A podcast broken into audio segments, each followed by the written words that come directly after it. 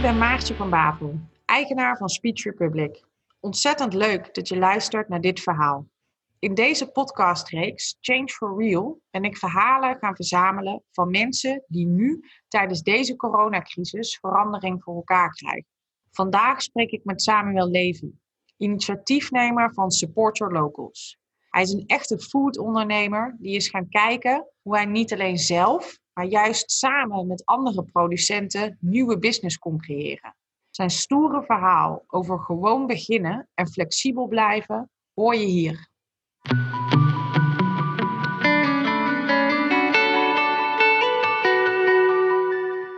Uh, Supporter Locals is een initiatief wat ik startte uh, vlak nadat ik hoorde dat de horeca dicht zou gaan in Amsterdam, maar eigenlijk in heel Nederland en eigenlijk ook wel op heel veel plekken in de hele wereld. Um, en dat raakte mijn bedrijven direct. Uh, ik heb twee bedrijven, een worstmakerij, ik heb een kombucha brouwerij en ik heb ook nog een campagnebureau. Dat zijn eigenlijk drie bedrijven, maar twee bedrijven die aan de horeca leveren. Ja, en we zouden meteen gewoon bij Bucha bijna alle omzet kwijtraken. Bij Bram Leven hier ongeveer 40% omzet kwijtraken als de horeca wegvalt. En ik dacht, ik moet echt iets doen. Uh, ik heb denk twee dagen depressief voor me uit zitten kijken. En toen dacht ik, nu is het echt tijd voor actie. Want uh, ja, nu, nu begint de, de, week weer. En morgen gaat het niet besteld worden door de horeca. En toen ben ik een box begonnen. Uh, die producten die normaal naar de horeca zouden gaan, direct naar de consument brengt. Ja. Hoe kwam je überhaupt op dat idee? Ja, ik belde een aantal um, collega's, mensen die in Amsterdam produceren of uh, ja, boerderij hebben in de buurt van Amsterdam, die melk hebben en die eigenlijk allemaal in hetzelfde schuitje zaten, die van de een op de andere dag hun afzetmarkt kwijt waren. Uh, veel daarvan waren ook ja, in nog een groter probleem, hadden nog een groter probleem dan ik want bij Brand hebben we ook het retailkanaal waar we aan leveren. Dus we leveren aan speciaalzaken door het hele land. Maar nog steeds die 40% is wel echt wezenlijk. Dat is een groot deel van, van je bedrijf, zeg maar. Maar, ja, dus, en, maar de bakker bijvoorbeeld die ik belde, die had wel 80% die die aan de horeca leverde. De melkboer die doet ook ongeveer 80% van zijn bijzondere melk uit Wees gaat naar de koffiezaak in Amsterdam. Dus ik dacht, oh ja, dit, ik ben zeker niet de enige die dit probleem heeft voor sommige mensen is het probleem nog groter. En dat zijn ook echt producenten die echt heel dierbaar zijn voor me. Omdat het mensen zijn die echt op een bijzondere manier een ambacht uitoefenen. Die de afgelopen jaren heel erg hard hun best hebben gedaan op, op kwaliteit en op duurzaamheid. Uh, te investeren in de allermooiste producten. Die juist vaak ook een uh, weg vinden naar de horeca. Omdat de horeca vaak zich wil onderscheiden op kwaliteit. Waarin in de supermarkten heb je die hele mooie producten over het algemeen helemaal niet. Nee. Dus ik zag echt voor me dat ja, als, dit, als we niet iets zouden gaan doen, als er niet iets gebeurt, dat dan die producenten na deze crisis gewoon niet meer zouden zijn. En dat heb je niet zomaar opgebouwd, want dat is echt iets wat, ja, er zit gewoon ambacht, uh, kennis, zoveel tijd heeft erin gezeten voor die mensen om die mooie bedrijven te starten. Dus ik dacht, ik moet iets doen. En die box was eigenlijk een heel simpel idee. Dus hoe kan je uh, ervoor zorgen dat die producten ergens terechtkomen? Nou, bundel een paar van die producenten stop die producten in een doos, breng het naar de consument, uh, want die moet toch eten. En dat was eigenlijk een heel simpel idee waarvan ik dacht van dat gaan we gewoon proberen. En binnen een dag had ik uh, met Instock, die in, dat is een bedrijf van vrienden van me, die groente en fruit verzamelen van bedrijf, van ja, wat anders verloren zou gaan. Bakkerij Mama, Moma, Lindhof. Had ik een clubje ondernemers bij elkaar gevonden die mee wilden gaan doen. En ja, ik dacht, ik werd, ik werd echt meteen, toen we dat hadden gelanceerd, werd ik gebeld door mensen in Den Haag, in Utrecht, in Rotterdam. Van, oh, kunnen jullie die boxen ook in een, hier komen leveren? Of kunnen jullie ook zo'n box bij ons komen opzetten? En toen dacht ik, oh ja, dat moeten we niet doen. Want dan zijn we gewoon precies, ja, in Rotterdam heb je ook van die producenten die hetzelfde probleem hebben. Dus toen zijn we het eigenlijk landelijk gaan uitrollen, dit initiatief voordat ik daarop terugkom, nog even één vraag terug. Toen jij al die andere ondernemers, hè, dus die, de bakkerij waar je het over had, et cetera, hoe reageerden zij eigenlijk op het idee? Um, nou, dat is wel grappig, want een aantal mensen die uh, zat echt met de handen in het haar. Die dachten echt van ja, dat was game over. Um, maar uh, Karel, de bakker bijvoorbeeld, uh, ja, die was zelf ook net begonnen met een winkeltje, een pop-up winkeltje. En die wilde nog een pop-up winkeltje. En die was ook aan het nadenken over brooddelivery. Uh, maar die had echt meteen zoiets van, ja, hey, laten, we, laten we dit samen doen, want onze communicatiekracht en onze, ook de kracht van de merken staat veel sterker. En ik kan een brood bij iemand brengen, en daar, maar dan moet ik wel de distributiekosten daarvoor betalen. Maar wat nou als je een brood en groenten en worst en een pak melk en diezelfde distributiekosten daarvoor moet betalen, dan heb je een veel aantrekkelijker aanbod voor de consument. Dus eigenlijk iedereen die dacht meteen, let's go. En dan ga je let's go. Ja. En hoe lang zat daar eigenlijk uh, tussen nadat jij twee dagen in zak en as hebt gezeten en toch het idee kreeg en het daadwerkelijk versturen van de eerste box? Dus dat 48 uur tussen het idee en de website live. Dus de eerste bestellingen die kwamen binnen 48 uur nadat het idee was ontstaan. En twee weer twee dagen later hebben we de eerste 400 boxen uitgeleverd. 400 ook meteen, geweldig. En je zei, toen ging ook de telefoon rinkelen. Mensen zeiden, kan nog ook zo'n box naar Den Haag of Rotterdam. En toen dacht jij, dit is niet de bedoeling. Nee, het begon inderdaad in uh, iemand die in Haarlem, die zei van ja, ik wil wel een paar boxen bestellen voor mijn buren. Of een bedrijfje die in Utrecht een, box, een paar boxen wilde bestellen voor zijn werknemers. En iemand in Rotterdam die zei van ja, kunnen jullie dit niet in Rotterdam komen opzetten? En toen dacht ik van, ja, en echt, die vragen bleven maar binnenkomen. Dat was niet zes of zeven of acht, maar dat waren echt denk ik wel dertig van dat soort vragen binnen, binnen 24 uur of zo. En toen dacht ik van, holy moly, dit is, dit is blijkbaar iets waar mensen echt behoefte aan hebben. Dus toen heb ik gezegd van, dit gaan we niet doen. En ben ik met mijn compagnons bij Food Cabinet gaan praten. En heb ik gezegd van, laten we dit nou samen breder uitrollen. En laten we zorgen dat we alles beschikbaar stellen. Dus de, de naam mogen mensen gebruiken. Ze mogen de vormgeving gebruiken. We gaan een toolkit maken waar we mensen vertellen hoe ze het zelf kunnen opzetten.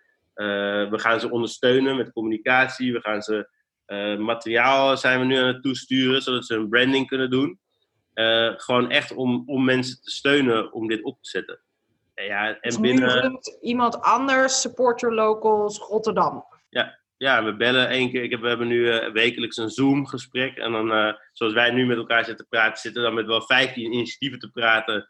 En gewoon uh, kennis uit te wisselen en te kijken hoe het overal gaat. En sommige zijn heel klein en sommige die zijn, gaan ook als een, als een trein. En dat is heel tof, want daar moet ik nog, nog weer bij vertellen. Dat zeg maar, het feit dat het zo werd opgepikt, werd ook gezien door de Taskforce Korte Keten. En zij hebben echt als doel om in Nederland korte ketens te bestendigen. En die zeiden van, nou laten we dit dan ook echt... Korte als... voedselketens. Ja, ja. laten we dit dan ook echt als een landelijke campagne uitrollen. Dus toen zijn we weer met, hun gaan samen, en met hen gaan samenwerken. Um, en hebben we dus nu ook echt gewoon een ja, campagneteam erop zitten. We hebben nu een commercial lopen op de televisie. We hebben billboards langs de snelwegen. Uh, ja, mijn team kan echt door met het ondersteunen van, die, uh, van al die uh, kleine initiatieven door het land heen. Maar ook de bestaande initiatieven, die kunnen we helpen door juist weer mensen naar hun toe te sturen. Dus het begint iets serieus te worden. Ja, behoorlijk. En ik ben ook wel even benieuwd. Je vertelt van, nou ja, we kregen die vragen uit andere steden. En toen koos ik ervoor om dat niet zelf te gaan doen, maar daar weer lokale partijen te zoeken. Kun je me eens iets vertellen over die afweging? Want ik kan me ook voorstellen dat je ondernemershart misschien juist ook wel heeft geroepen. Hoe meer boksen vanuit onze regio Nederland in, hoe beter. Zeker. Ja, maar daar zit dan toch voor mij ook dat ik heb echt direct, toen we dit gingen doen, ook tegen mijn mede-ondernemers met wie ik dit deed, gezegd van de kracht gaat hem echt zitten in dat we lokale producenten en dat we de lokale consument opzoeken. Uh, we hebben die gunfactor nodig. Het gaat nu even niet alleen om ons. Het gaat over hetzelfde soort producenten in heel het land. Want ik wilde dit, ik bedoel, ik had ook alleen worsten kunnen gaan verkopen. Maar ik wilde ook graag de bakker om wie ik veel geef. En de groenteboer, of de, de jongens, de, de mensen die instok, die de groenten doen, die een super top initiatief hebben. En de melkboer, die wilde ik er ook bij hebben, omdat ik denk van het, het gaat om, ook wel een beetje om het belang van dat we al die mooie producenten overeind kunnen houden. En ja, wij hoeven, ik ben gewoon heel blij als wij gewoon onze omzet een beetje door kunnen draaien en uh, we onze mensen aan het werk kunnen houden. En ik hoef nu niet over de rug van de worstenmakers in Haarlem en in Utrecht groter te worden, zeg maar. Je bent echt trouw gebleven. Eigenlijk door trouw te blijven aan het concept, is het juist schaalbaarder geworden. Ja, en, ja, en ik denk dat het ook, de, en dat heeft er ook misschien wel weer voor gezorgd dat het uh, ja, ik geloof dat dat komt uiteindelijk ook wel weer bij je terug. Zeg maar. We hadden het heel hard kunnen gaan, uh, gaan groeien. Maar het feit dat er nu zoveel mensen zo enthousiast over zijn. Ja, dat, dat is ook omdat, omdat we dit model hebben gekozen. Ja, hoe, hoe groot is het inmiddels? Ik heb geen idee. geen idee. Geen idee. Nee, ja. weet, weet je het voor Amsterdam?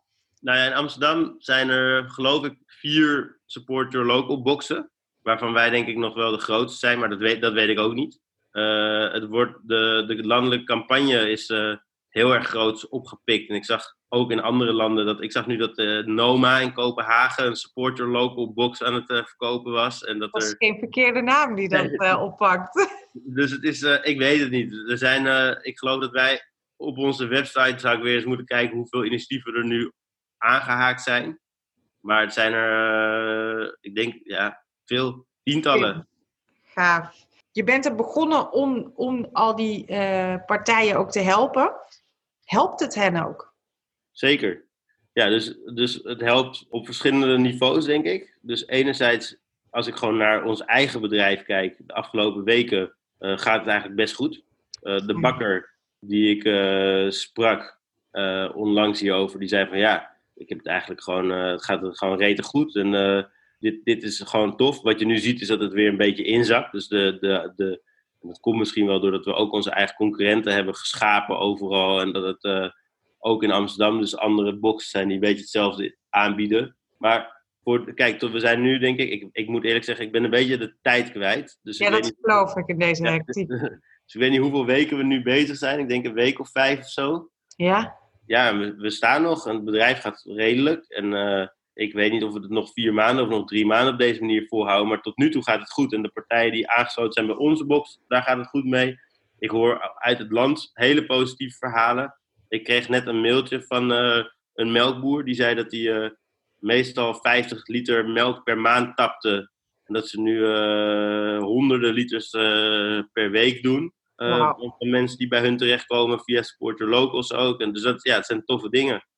Ja, dat, dat, dat, dat moet echt schitterend zijn. Ja. Van al die dingen die je nu noemt, wat is eigenlijk, kun je me eens vertellen over een moment wat jou het meest heeft geraakt de afgelopen weken? Er zijn een paar momenten. Ik heb de, van de week de melkboer aan de lijn. En die zei dat het echt voor hem, uh, dat dit echt een soort van uh, ja, geschenk, echt een geschenk was dat het dit nu zo kwam. Want dat is iemand die, ik koop altijd mijn melk bij hem en hij heeft echt hele lekkere melk. En leuke vent, mooi bedrijf. Maar die, in de week dat die maatregelen werden afgekondigd, kreeg hij ook een kind. Uh, dus hij had ook helemaal niet zelf de energie of de mogelijkheid om echt iets fundamenteels anders te gaan doen. En hij kon gewoon opeens de melk naar ons toe brengen en we verkochten hem voor de prijs die hij ervoor moest hebben. Ja. En hij was er zo blij mee en dat vind ik echt geweldig. Ik vind het fantastisch om te zien hoe mensen echt meedoen en dat het echt ja, het eigen hebben gemaakt. Dus dat er nu in Deventer hebben ze ook een commercial gemaakt die een soort van afgeleide is van de film die wij hebben gemaakt. Dat is nog veel mooier dan die film die wij hebben gemaakt, want onze is gelikt uh, en een hele toffe film. Maar zij hebben dat gewoon zelf ook gedaan en dat vind ik heel cool. En het allerleukste vind ik misschien wel de, is dat we met onze pakketten zorgen we ervoor dat we elke week ongeveer 125 pakketten ook voor de buurtbuik inpakken. Dat is een initiatief wat pakketten brengt naar mensen die dat eten echt hard nodig hebben. Maar dat de mensen ook op onze site heel genereus doneren voor de voedselbank. Dus van de week hebben we eh, weer 2000 euro aan de voedselbank kunnen geven, waar zij eten mee kunnen kopen. We brengen daar eten naartoe. We hebben die pakketten die we voor de buurtbuik inpakken. En dat vind ik wel tof, dat er ook, ja, gewoon als ik de gezichten zie van uh, de mensen. Ik kreeg net een appje. Ja. Ik kreeg een foto opgestuurd van de mensen van de buurtbuik. En de man die het uitgedeeld, die zei... Er was één man die wel vier keer terugkwam om ons te, om ons te bedanken. Het lijkt wel kerst, zei hij. En dat zijn mensen die dus e-, geen, eigenlijk nauwelijks geld hebben. En nu in deze tijd is het natuurlijk helemaal uh, penibel. Maar ja, dat is super leuk om te horen dat die dan ook zo blij met het eten zijn. Wauw, wat geweldig. Wat, wat, wat denk je, Samuel, als, als de wereld um, nou ja, weer enigszins terug naar normaal gaat en dat horeca weer gewoon open gaat, et cetera. Blijven deze boxen bestaan, denk je? Of is het iets tijdelijks? Ik denk dat er vast een aantal zullen blijven bestaan.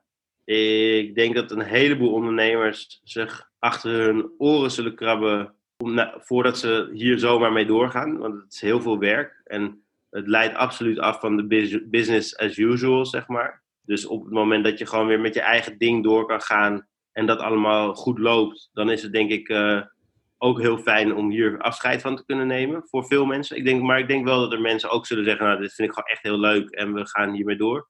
Wat ik wel echt denk is dat er deze hele situatie ervoor gaat zorgen dat consumenten uh, anders naar eten kijken. dat er misschien weer wat meer thuis gegeten gaat worden. In, in Amsterdam, waar ik woon, is het heel erg de cultuur van dat mensen de afgelopen jaren steeds meer buiten de deur zijn gaan eten. En ik denk dat mensen dat misschien ook wel zijn gaan waarderen. Dus dat ook de restaurants die nu heel erg zich richten op takeaway, dat mensen dat misschien ook wel een beetje gaan blijven doen. Dus dat er uiteindelijk wel een verandering komt in hoe we eten. En dat daar die korte ketens ja. uh, wel een belangrijk onderdeel in kunnen krijgen. Want die boxen die wij nu hebben opgezet, dat is allemaal heel snel uit de grond gestampt. Uh, maar er bestonden natuurlijk al allerlei initiatieven in Nederland die ook die korte ketens ja, neerzetten. En soms ook zelfs in de vorm van een box eten naar mensen brengen van ondernemers uit de buurt. Dus helemaal nieuw is het niet. Uh, en ik denk wel dat dit soort van vruchtbare bodem heeft gecreëerd om daarmee door te gaan. Ja, dat kan me wel voorstellen. En Samuel, je bent een, um, nou volgens mij best wel een ondernemer met drie bedrijven alleen al op dit moment. Wat is het belangrijkste inzicht dat jij eigenlijk hebt geleerd de afgelopen weken van dit zo in sneltreinvaart, zo op schaal op te zetten? Nou, ik denk sowieso hoe belangrijk flexibiliteit is voor ondernemers.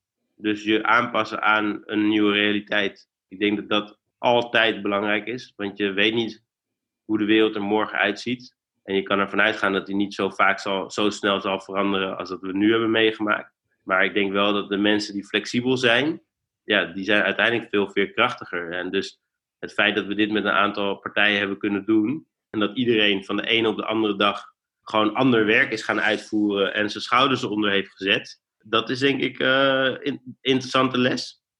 Maar ook de, de, hoe je met samenwerking, en dat zijn dingen die natuurlijk niet allemaal nieuw zijn, maar hoe je met samenwerking echt veel voor elkaar kan krijgen.